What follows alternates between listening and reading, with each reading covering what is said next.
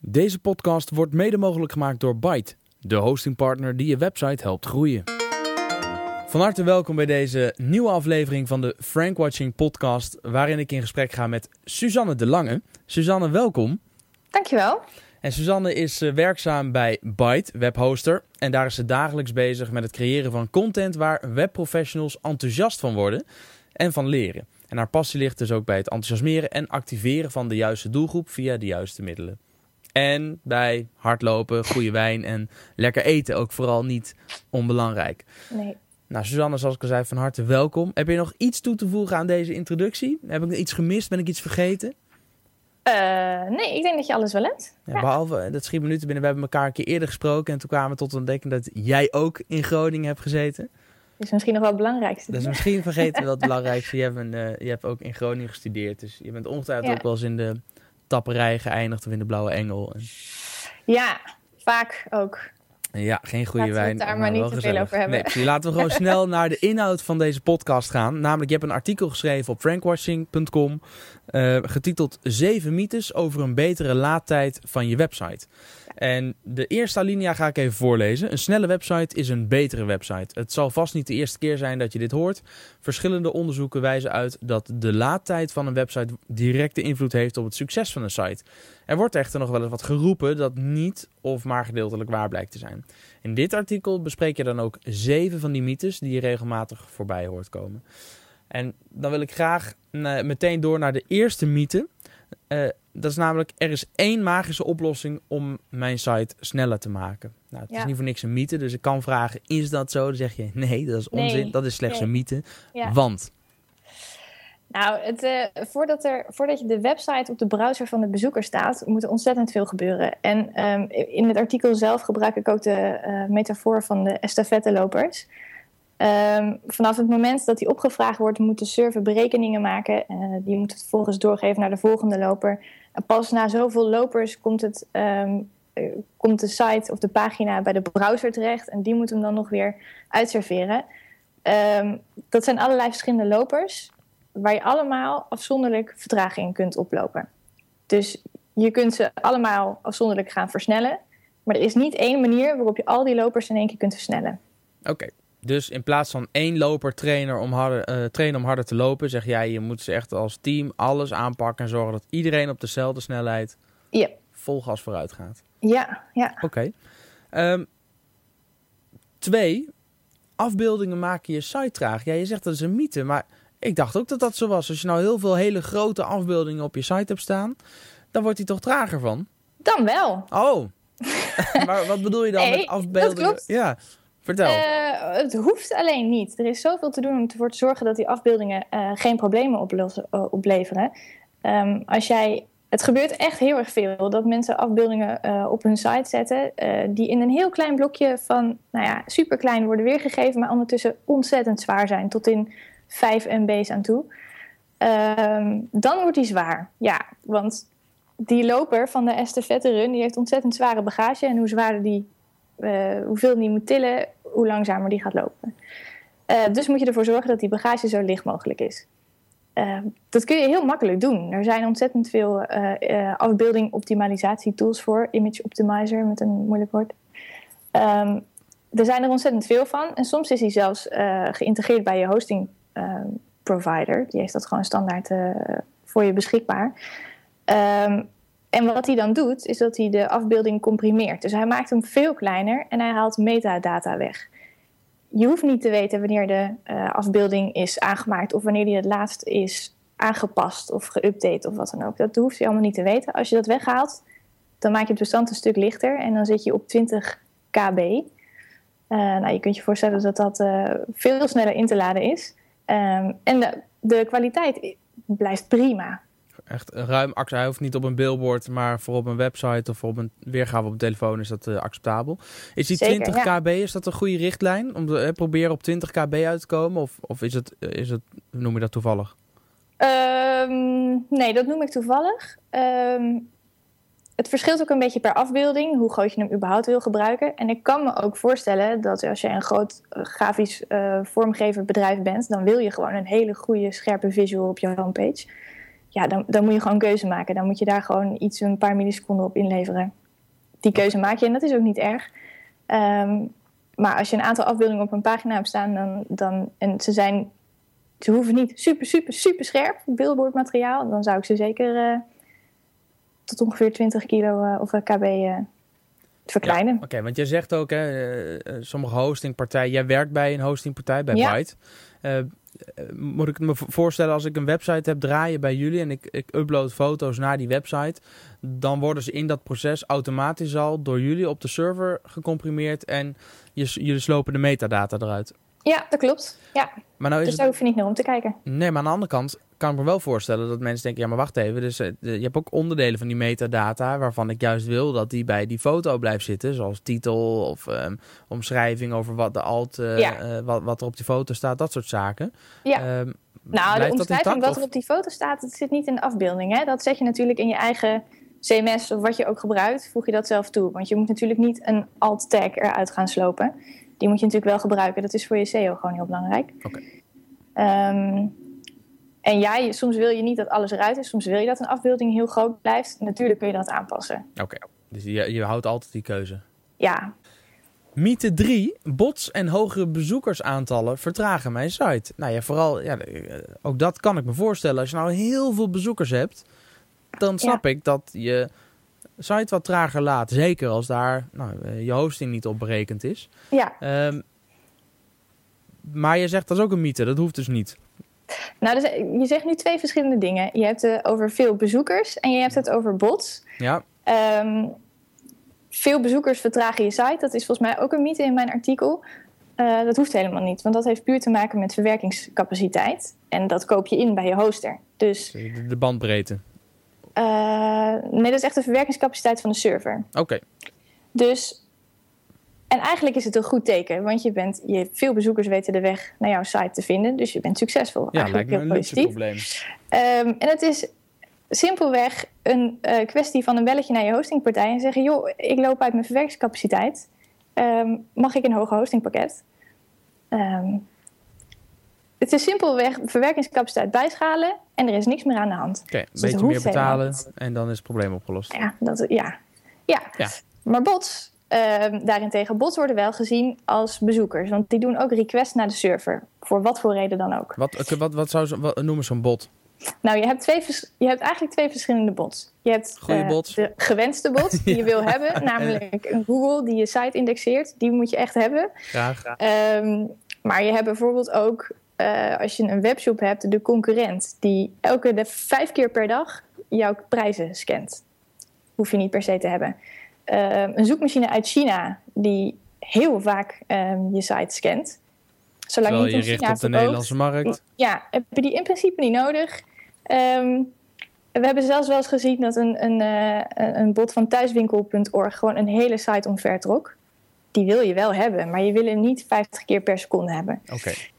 Maar dat kun je allemaal regelen. want je, hebt, je kunt een, eh, een bestandje in je site opnemen. Dat heet een robot.txt. Daarin kun je precies aangeven wat welke robot moet doen. Je kunt zeggen tegen de robot uit China: joh, die wil ik niet, die blokkeer ik helemaal.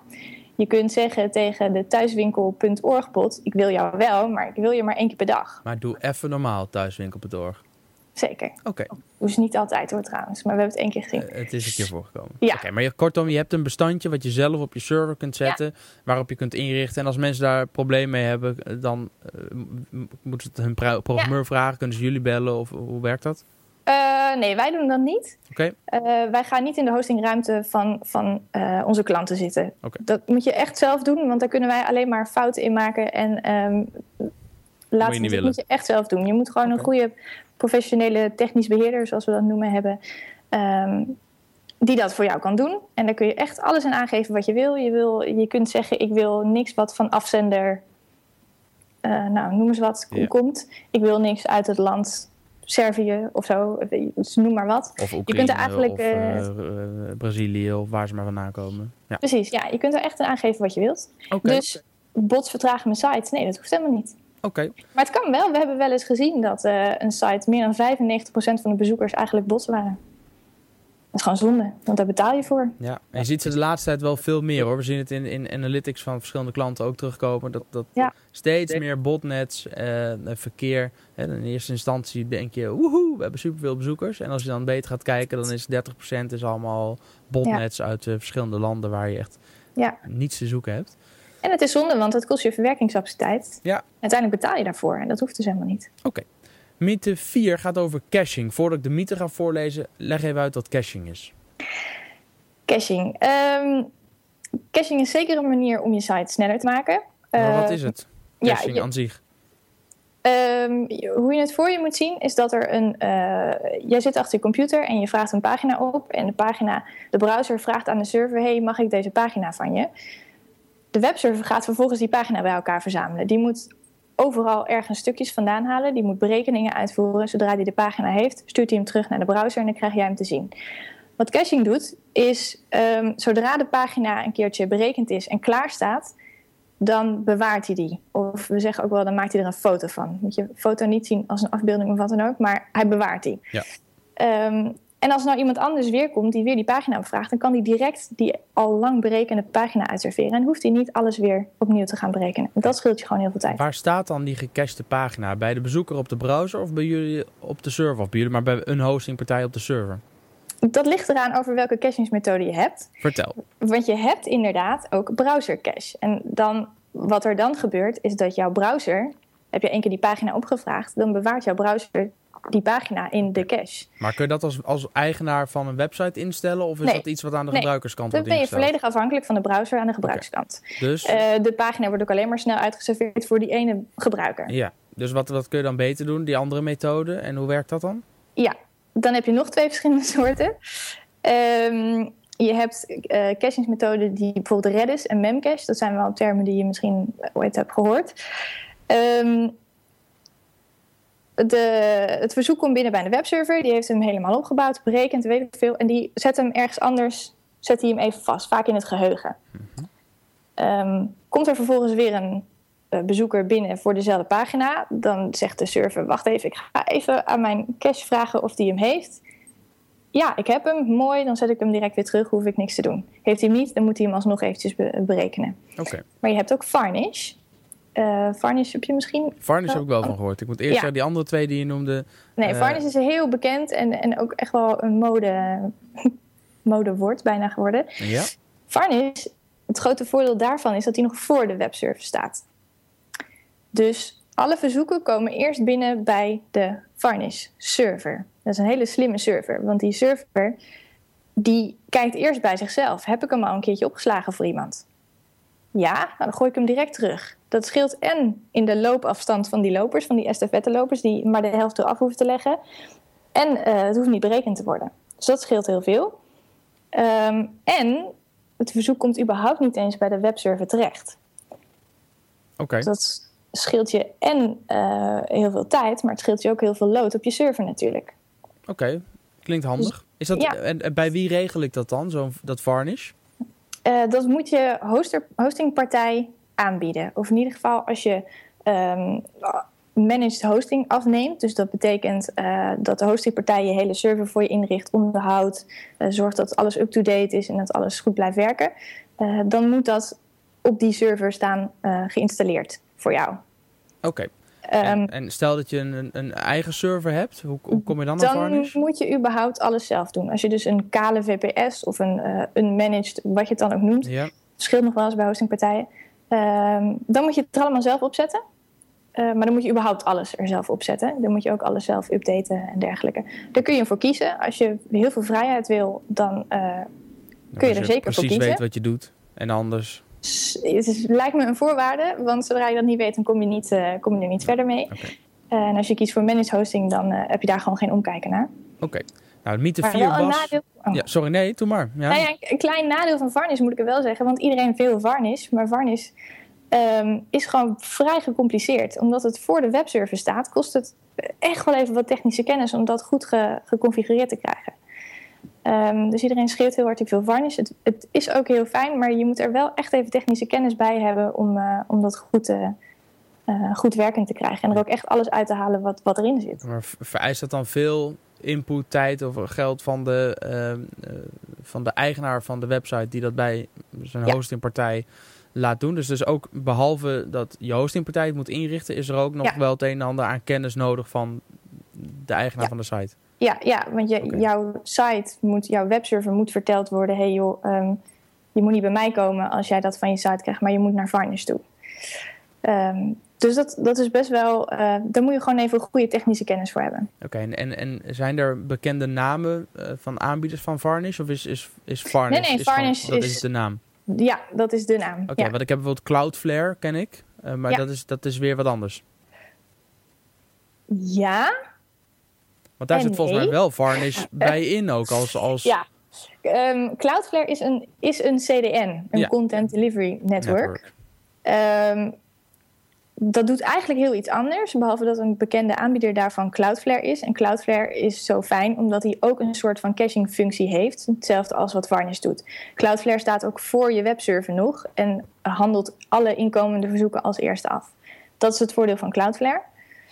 Ehm, maar Cloudflare is eigenlijk, ook, is eigenlijk een CDN en dat doet heel iets anders. Ja, want je zegt dat is eigenlijk mythe 6, dus we komen zo even terug op 5. Want mythe 6 is het gebruik van een Content Delivery Network, CDN, maakt mijn site altijd sneller. Ja. Nou, dat is mooi, maar dat is dus niet waar. Nee, dat is ook niet waar.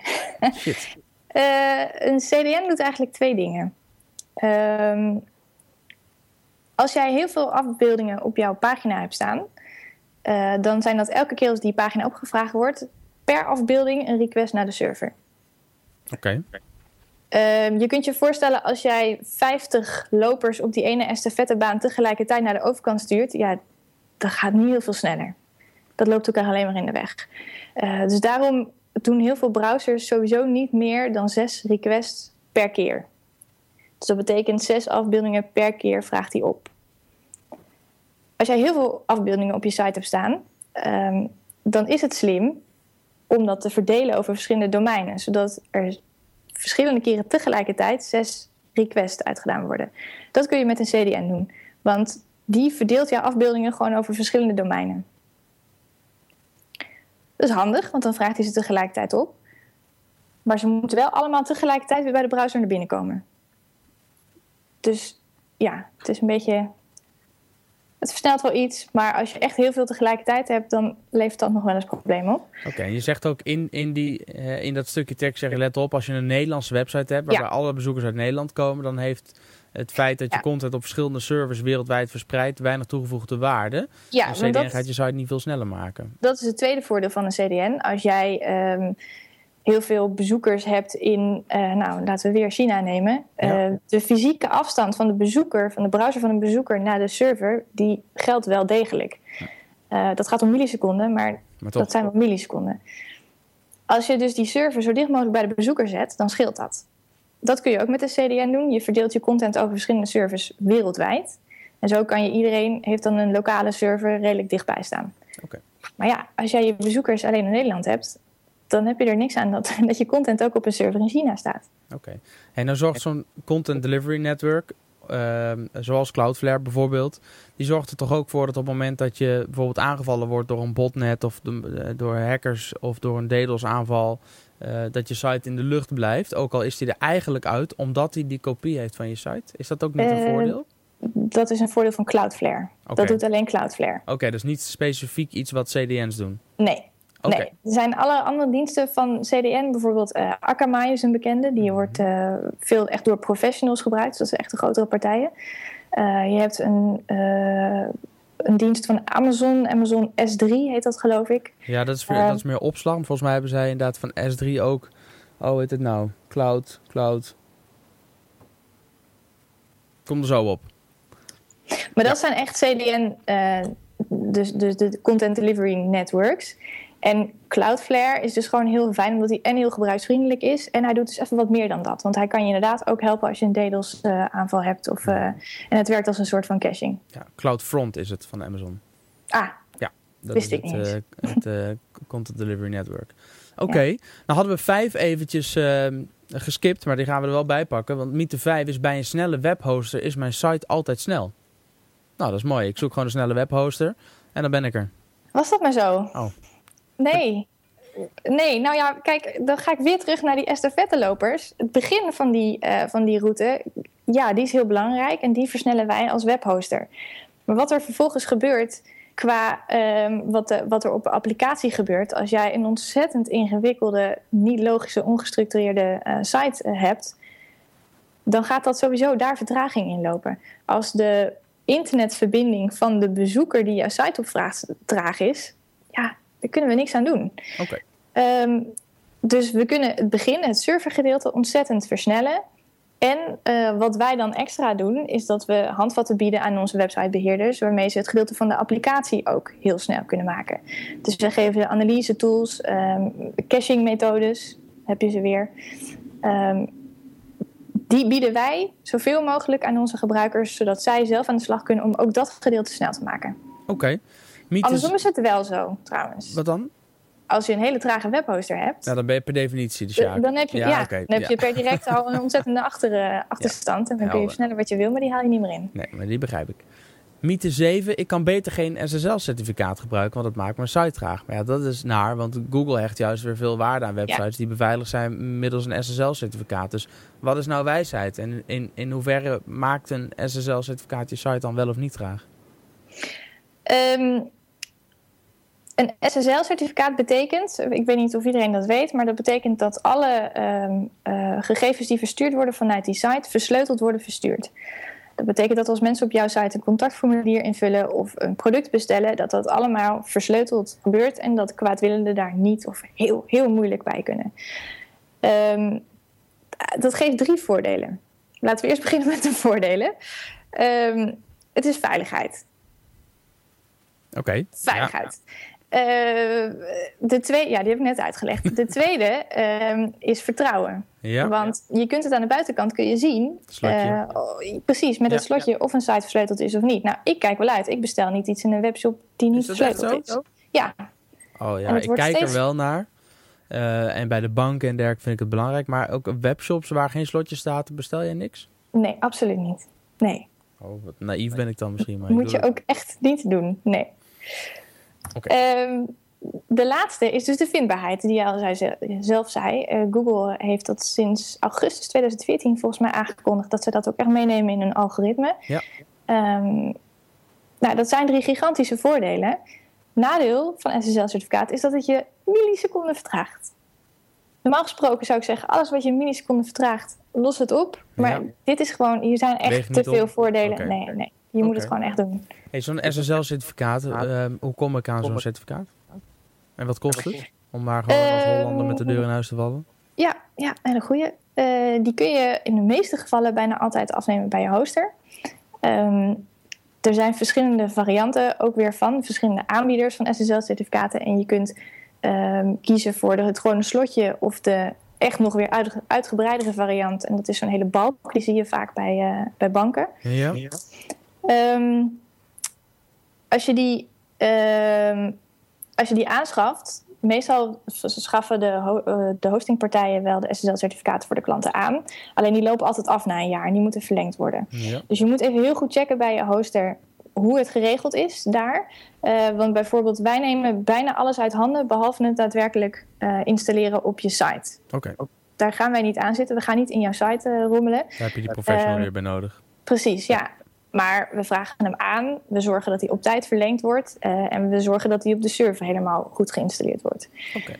Um, en wat kost dat? Dat weet ik nou even niet uit mijn hoofd. Oké, okay, maar staat vast wel op jullie site? Staat op onze site, ja. Okay. Absoluut. En dat is byte met y. Byte.nl. Byte, B-Y-T-E.nl. Yes, ja. Um, we hebben wat vragen gekregen van, uh, of jij hebt vragen gekregen of reacties gekregen op je artikel op frankwatching.com.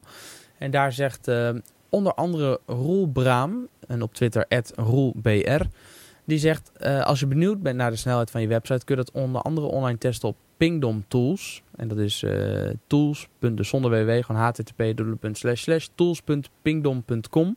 En zegt: stel bij de settings even Amsterdam in als testserver. En dan krijg je heel veel informatie over de snelheid van je site. Heb jij nog meer van dat soort handige tools of sites waar je naartoe kan om dit soort dingen te testen? Ja, ja een veel gebruikte is uh, Google PageSpeed. Ja. Um, de directe URL weet ik Developers.google.com slash speed slash PageSpeed en dan slash insights. Maar waarschijnlijk als je googelt naar PageSpeed, dan kom je Ja. gewoon ook. Eh, het handige is dat je daar precies kunt zien wat Google, ehm, wat Google gebruikt om jouw waarde, om jouw site waarde te hechten of te, te, te checken op je snelheid. Ehm, je, haalt je, je voelt alleen maar je, je URL in, je drukt op oké en je krijgt eh, een heel rapportje.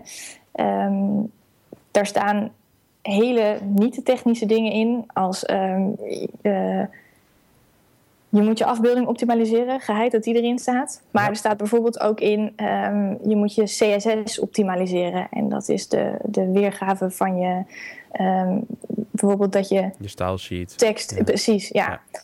Ehm, als je daar te veel van hebt, dan krijg je daar ook een melding van. Ehm, hetzelfde is ook Yslow, en dat is die van Yahoo. Ja. Dus dat is eigenlijk precies hetzelfde idee.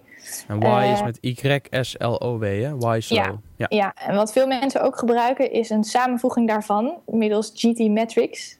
Ja. Dus GT Metrics met een X aan het einde, geloof ik, of CS. Eh, daar heb je die tools samen, dus dan weet je gewoon, dan weet je in ieder geval van twee zoekmachines tegelijkertijd. Ehm, en een hele belangrijke is New Relic. Eh, die is nog niet zo heel erg bekend. Maar dat is een ontzettend uitgebreide tool. Die installeer je ook op je server. En die gaat veel verder dan dat. Want daar kun je dus echt tot in elk request kun je helemaal uitsplitsen waar precies de vertraging zit. Dus dan zie je dat die ene Facebook plugin die je hebt, dat het elke keer daar het wachten op is. Eh, of ehm, nou, daar kun je echt ontzettend ver in. Eh, voor developers is dat ongeveer de beste vriend. Noem hem nog één keer. New Relic. New Relic. Ja, en dat is misschien wel eh, nog goed om te vertellen. Dat is een, eh, een Amerikaans bedrijf en je kunt die dienst gewoon daar afnemen. Kost je wel wat geld. En het zijn vrij typisch Amerikaanse verkopers die je steeds nog even bellen of je wil upgraden. Ehm, en als je daar echt, echt ver mee wil, dan heb je een pro-account nodig. Dus dan ben je weer iets verder dan het gratis account. Dan heb je een pro-account nodig en dan betaal je geloof ik 150 dollar per maand voor. Dan zit je een jaar aan vast. Dus best veel. Dus eh, wij met Byte hebben daar een partnerschap mee gesloten met New Relic. Dat betekent ehm, eh, dat wij het nog iets meer dan het gratis account, het standard account heet dat, kunnen we ook gratis aanbieden aan onze klanten. Het staat al standaard geïnstalleerd op onze servers, dus mensen kunnen dat met één klik aanzetten. Relaxed. En we hebben een ontzettend goede deal waar New Relic inmiddels spijt van heeft. Eh, dat je voor 65 euro per maand bij ons ehm New Relic Pro-account kan afnemen. Nice. En dat ook per maand uit kan zetten. Want soms wil je je boel gewoon even analyseren en heb je hem na een maand eh, wil je hem even uitzetten. Als je het helemaal geoptimaliseerd hebt, dan kun je er weer even tegen. Oké, dus een Ja, beetje, beetje ja. afhankelijk van hoe serieus en hoe belangrijk je website is. eh, kun je of met Ja. het gratis account aan de slag eh, bij New Relic of Ja. met een pro-account. En als je klant bent bij Byte, dan hebben jullie daar ook nog aangepaste mogelijkheden voor. Of Ja. iets uitgebreider, het standaardpakket. Of tegen sterk gereduceerd tarief het Ja. eh, pro-pakket. Nu Ja. noemde jij in de aanloop naar dit punt ook dat je bijvoorbeeld kunt zien dat die ene Facebook-knop steeds zo lang ehm, eh, zoveel tijd neemt om te laden. En Ja. een van de vragen die, want ik heb hier natuurlijk even op kantoor een rondje eh, gelopen en gezegd, ik ga straks met Suzanne in gesprek, wie heeft er nog vragen? En een van die vragen ging toevallig daarover. Wat eh, doen social media buttons met eh, de laadtijd van je website? En als dat, eh, in de, als dat het geval is, is daar wat aan te doen? Ja, Behalve Nou- ze niet gebruiken. het antwoord is ja, het kost je tijd. Het is op het moment dat die pagina wordt opgevraagd waar buttons op staan, dan moet er een request naar de Facebook-server met: hey, doe mij eventjes dat, eh, dat pluginnetje. Elke plugin die je op je site zet, kost je tijd. Mhm. Maar ja, je zet hem ook niet voor niks op je site, dus je gebruikt hem ook, dus het heeft ook wat op te Dus leveren. het is altijd een afweging? Ja, er is wel wat aan te doen. eh, want er zijn verschillende manieren waarop je social media accounts erop kunt zetten. Je kunt bijvoorbeeld, wat je veel ziet, ehm, dat je direct ziet hoe vaak een artikel is gedeeld op LinkedIn. Dat zie je direct onder, onder een artikel bijvoorbeeld. Daarvoor moet er een request gemaakt worden. Elke keer dat die pagina opgevraagd wordt. Want dan moet hij checken hoe vaak is die nou eigenlijk geüpdate. Of eh, ehm, gedeeld. Ja, gedeeld. Maar je kunt er ook voor kiezen om alleen het icoontje te laten zien. Dat is voor blogartikelen misschien niet zo interessant. Maar als je het hebt over eh, volg ons ook op. Nou, dan kun je ervoor kiezen om alleen de icoontjes neer te zetten. Dat zijn gewoon losse kleine plaatjes met een linkje erachter. dan hoeft er niet elke keer een, uh, een request naar de Facebook-server gedaan te worden. Slim. Dus maak daar de afweging. Hoe belangrijk is het dat er een aantal achter staat? En als het alleen maar gaat over vol, uh, voeg ons toe op, bijvoorbeeld, dan hoeft hij helemaal niet, voegt ook niet zo heel veel toe hoeveel mensen dat dan al gedaan hebben. Mijn nou blogpost misschien wel. Ja, mijn blogpost wel. Maar als het gewoon op, uh, op, een, op een productpagina staat bijvoorbeeld en er staat onder voeg ons toe op LinkedIn, hè, of volg ons op LinkedIn, ja, dan kun je nog afvragen hoe belangrijk het is. Maar goed, die afweging kan iedereen zelf maken. Ja. Maar ik zal dan ook voor degene die deze vraag gesteld heeft even doorgeven. En die luistert uiteraard naar deze podcast. Dus zal ik laten weten dat er wat aan te doen is. Hey Suzanne, dan maken wij uh, veel gebruik van WordPress voor onze sites. En uh, wij zijn niet de enige, er zijn er heel veel. Dan heb je nog dingen als Joomla en Drupal. Je hebt natuurlijk heel veel verschillende CMS-systemen. Je hebt ook custom CMS'en, mensen die gewoon zelf een eigen CMS bouwen. Um, heeft dat nog invloed op je hosting of in elk geval, nee, de stomme vraag, maar heeft het invloed op de laadtijd van je website? Ik heb wel eens het idee dat WordPress-sites super handig zijn, maar qua laadtijd soms net even iets langer duren dan sites die helemaal from scratch zijn gebouwd. Uh, ja, dat klopt. Dat komt vooral denk ik omdat er in WordPress ontzettend veel plugins zitten. Tenminste, Kunnen zitten. er zijn er ontzettend veel, dus daar maak je ook gebruik van. En elke keer als er een plugin in zit, moet daar weer, uh, uh, kost dat weer wat laadtijd.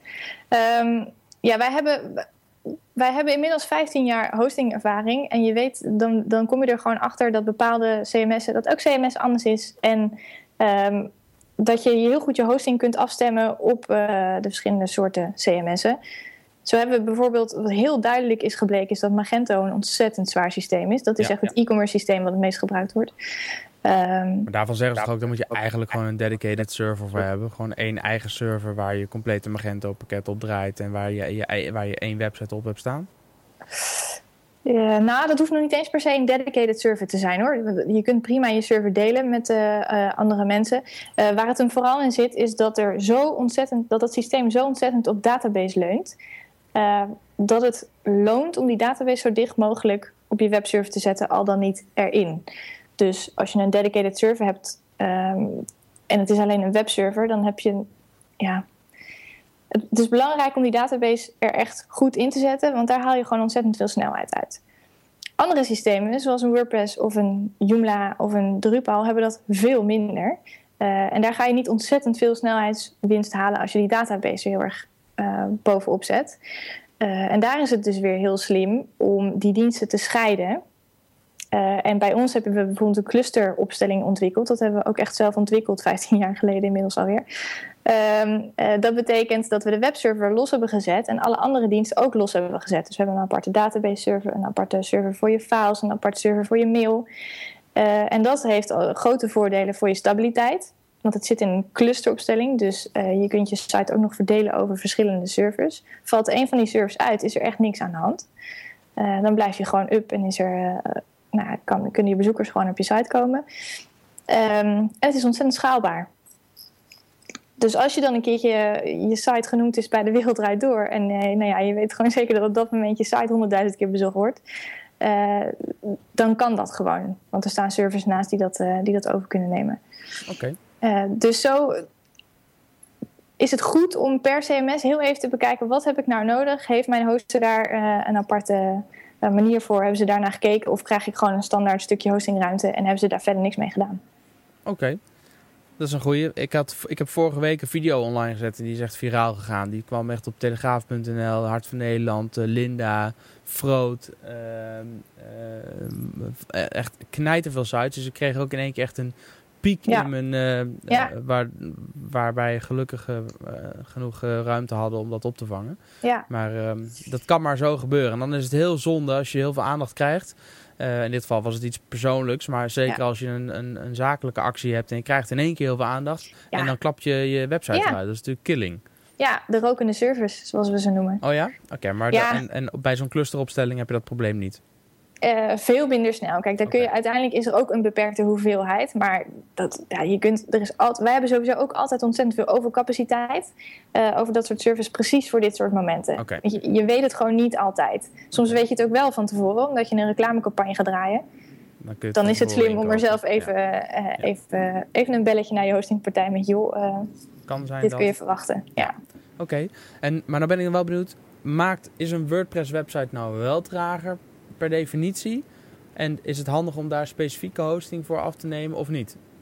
Nee, niet per definitie. Nee. Het hangt Nee, vanaf hoe je het het is niet- inricht. Ja, heel erg. Het is niet het meest snelle systeem, omdat er, en dat heeft voornamelijk echt met die plugins te maken. Ehm, het is niet zo zwaar zoals bijvoorbeeld een Magento, dat je daar echt eh, een hele speciale opstelling voor moet hebben. Nee, zo- dat is niet waar. Ja, we adviseren klanten en, eh, ook echt om zo min mogelijk plugins te gebruiken. En echt alleen die plugins te Ja. gebruiken die echt hoog nodig zijn. En, En eh, zet ze ook weer uit als je ze niet gebruikt. precies. dat wordt ook verwijder ze ook gewoon dan. Ja, Ja, weg ermee. Laatste vraag. Ik heb ook nog iets gelezen over SSD-hosting. Ja. Hebben jullie dat ook? En, en, en eh, heeft dat nog invloed op de snelheid? Eh, ja, zeker. Oh. Enorm. Ehm, maar dat is niet zozeer een bepaalde vorm van hosting. Het is een SSD-schijf die je in je hardware zet. Dus in je, nou ja, echt in je hardware. Dat zorgt ervoor dat die server gewoon tien keer zo hard draait als een normale server zonder een SSD-schijf. Oké, een beetje vergelijkbaar met je laptop waar je een draaiende schijf in kan hebben. Of Ja, zo'n flash drive. Dat is het Dat eigenlijk. is het. Ja. Oké. ja. En dan wordt dus, Dus ook het de is, site eh, sneller van. Eh, heel slim om inderdaad ook te kijken of jouw webhoster eh, gebruik maakt van SSD-schijven of SSD-hosting. En Byte, doen jullie dat? Zeker, natuurlijk. Ja, absoluut. Nou, Suzanne, het is echt eh, duidelijk dat je knijterveel verstand hebt van eh, hosting en alles wat met de laadtijd van je eh, pagina of van je website te maken heeft. Dat is niet voor niks, want jij werkt bij een hostingpartij, Byte. Kun je Ja. kort even iets over jezelf vertellen? Wat, wat doet Byte bijvoorbeeld? En wat maakt Byte anders dan, dan... Want er zijn zoveel hostingpartijen dat ik heb wel eens... Ja. Er komen wel eens bij mensen bij en zeggen, wel, voor welke hostingpartij moet ik kiezen en waar moet ik op letten? En ja, ik zie door de boom het bos niet meer. Wat, wat, Ja. wat zou jij zeggen tegen die mensen? Eh, ja, Byte is een eh, eh, webhoster die echt zich richt op webprofessionals. En dan ook het soort wat echt het uiterste uit hun site wil halen. Ehm, dus wij richten ons echt op performance. Dat is ons speerpunt. Dat betekent dat we op infrastructuur ehm, nou ja, de beste hardware hebben. De beste, ehm, dat, kiezen we echt voor, de, voor het allerbeste. Eh, het platform wat er bovenop ligt is ook helemaal eh, ingericht op bijvoorbeeld het CMS als dat nodig is. Eh, we draaien daar dus weer die verschillende cachingsmethoden. Eh, we zorgen dat daar ook helemaal alles zo snel mogelijk draait. De nieuwste technieken. Ehm, en we geven dus onze klanten inderdaad handvatten om, om ook nog op een applicatieniveau er alles eruit te halen wat erin zit. Maar ook leuk, daarnaast hebben we een ontzettend uitgebreide kennisbank waar je echt alles kunt vinden wat je maar wilt weten. Van handleidingen tot tips en tricks. Ehm, we bloggen heel veel. We houden onwijs van om onze kennis te delen. Ook niet alleen hostingtechnisch, maar ook eh, eh, marketingtechnisch bijvoorbeeld. Eh, en we organiseren allerlei workshops of user groups waarbij onze klanten, maar ook niet onze klanten, van alles kunnen komen leren. Ook die kennisbanken, zijn die publiekelijk? Ja, zeker. Ja. Oké. Ja. Oké. Want je hebt namelijk op frankwatching.com een artikel geschreven, zeven mythes over een betere laadtijd van de website. Nou, we Ja. weten inmiddels dat een snelle website direct invloed heeft op je vindbaarheid, je usability en dus ook je omzet. Maar hoe zorg je nou dat jouw site net zo snel laadt als de echt succesvolle websites wereldwijd? En hoe snel is dat dan? En wie moet het voor je regelen? En daar hebben jullie een whitepaper over geschreven. En die heet ook Ja. Mythes over snelheid, eh, wat wel werkt en wat niet werkt om je site sneller te maken. Eh, en in dat whitepaper bieden jullie marketeers, e-commerce managers en projectmanagers een ideaal overzicht over de snelheid van een website. En dat whitepaper kun je downloaden op Eh, byte.nl byte.nl slash whitepaper. Ja, het is niet Ja. moeilijk. En daar hebben we er nog ontzettend veel leuke andere interessante staan ook. Oh, echt? Ja. Zoals? Kun je een paar voorbeelden noemen? Ehm, eh, bijvoorbeeld waarom je nooit met FTP moet werken, maar wel met, eh, eh, met SFTP. Oké. Een stukje technischer. Hmm. Weet je waar ik het over heb? Ja, ik ken FTP en ik ken SFTP, Ja. maar Nou, dat is een goede voor jou om te downloaden. ga ik doen. Ehm, en daar komt nu een vervolggroep over als je dan met SFTP werkt, hoe je, dat dan, eh, hoe je heel handig kunt werken met SSH-keys en wat daar nou eigenlijk de voordelen van zijn. Eh, dus eh, ja. Ik voel gewoon nog een podcast aankomen. ja, dat is hartstikke leuk. Ja, dat is echt, eh, we de- zoals ik al zei, we delen echt heel veel kennis. En wij hebben gewoon ontzettend veel kennis in huis, dus waarom zouden we dat niet delen met iedereen? Dus, beste luisteraar, ga even naar byte.nl slash whitepaper. Kijk even welke whitepapers er staan en download deze of andere whitepapers die allemaal gaan over niet alleen maar hosting, maar ook internetmarketing gerelateerde zaken. Dus er staat voor iedereen wel Ja. wat tussen. Ja, precies. Ja, we hebben content voor echt hele technische mensen, maar ook voor de marketeer die eigenlijk geen idee heeft wat hosting is en denkt ik wil een snelle website, maar wie moet dat nou voor me regelen en wie moet ik wat vragen? Nou ja, met die whitepaper helpen we je echt op weg. Nou, stel nou dat ze jou wat willen vragen, Suzanne. Wat zijn dan de beste manieren om met jou in contact te komen? Je zit op Twitter. Ja, is op Twitter. Uh, LinkedIn kun je ja, me even op, benaderen. op, Twitter ben je at... Uh, die heb jij voor je staan, toch? Ja, Suzanne D. Lange. Ik dacht, ik ga Ja. jou de heer. Suzanne D. Lange, dus niet De Lange, maar Suzanne D. Lange op Twitter. Ja. En op LinkedIn bijna hetzelfde, alleen dan is het S.A. De Lange. Maar dan wel De Lange. Dus dat is even, op Twitter is het Suzanne D. Lange. Op Ja. LinkedIn is het S.A. De Lange. Ehm, verder, linkjes die we besproken hebben zijn tools.pingdom.com. Google PageSpeed, gewoon developers.google.com slash speed. New Relic heb je het over gehad. Zeker, ja. Ehm, volgens mij heb je er nog één genoemd. Eh Yslow. Y-Slow. Precies. Y-Slow. Dat is de Yahoo variant van de eh, Google tool. Ja. En dan zijn verder de belangrijke links natuurlijk eh, frankwatching.com en ehm, als je daar zoekt. Byte.nl. En byte.nl, om nog maar eens te noemen. Ja. Nee, we, en op frankwatching.com heb je zeven mythes over een betere laadtijd van je website. Op, onderaan dat artikel kun je ook je vragen stellen aan Suzanne de Lange. Maar je kunt ze natuurlijk ook op Twitter gooien. Of naar. @frankwatching of direct aan Suzanne op Suzanne D. Lange. Of aan mij op Jelle Drijver. Suzanne, mag ik je enorm danken voor dit gesprek, voor je tijd. Ik heb heel veel van geleerd. En ehm, eh, ik kan me niet voorstellen dat de mensen zitten te luisteren die zeggen... nou, dit was echt allemaal gesneden koek voor me. Ehm, dus- dus volgens mij heeft iedereen die hier naar luistert er zeker iets uit kunnen halen of iets van kunnen leren. Ik ben in elk geval weer heel veel wijzer geworden als het gaat over de laadtijd van je website, de snelheid van je website, wat je eraan kan doen, hoe je kunt ontdekken waar de knelpunten liggen. Ja. Eh, over, eh, ik zie nog steeds hardlopers vormen en estafettes en Ja. veel te drukke running tracks en et cetera, et cetera. Dus, ja, het helpt hè, om mee ja, te volgen. visualiseren. Juist. Suzanne, heel erg bedankt. Ja, heel erg graag gedaan. Leuk. Deze podcast werd mede mogelijk gemaakt door Byte, de hostingpartner die je website helpt groeien. En hiermee zijn we dan alweer aan het einde gekomen van deze Frank Watching podcast. Dit keer over de zeven mythes die er zijn over de laadtijd van je website. Doe ons een plezier en laat even op iTunes, Stitcher Radio of op welk platform waar je dan ook maar luistert naar deze podcast even weten wat je ervan vindt. Vragen of opmerkingen kun je ook kwijt op Twitter richting @frankwatching of Jelle Drijver. Dit was hem voor nu. Bedankt voor het luisteren en tot de volgende podcast.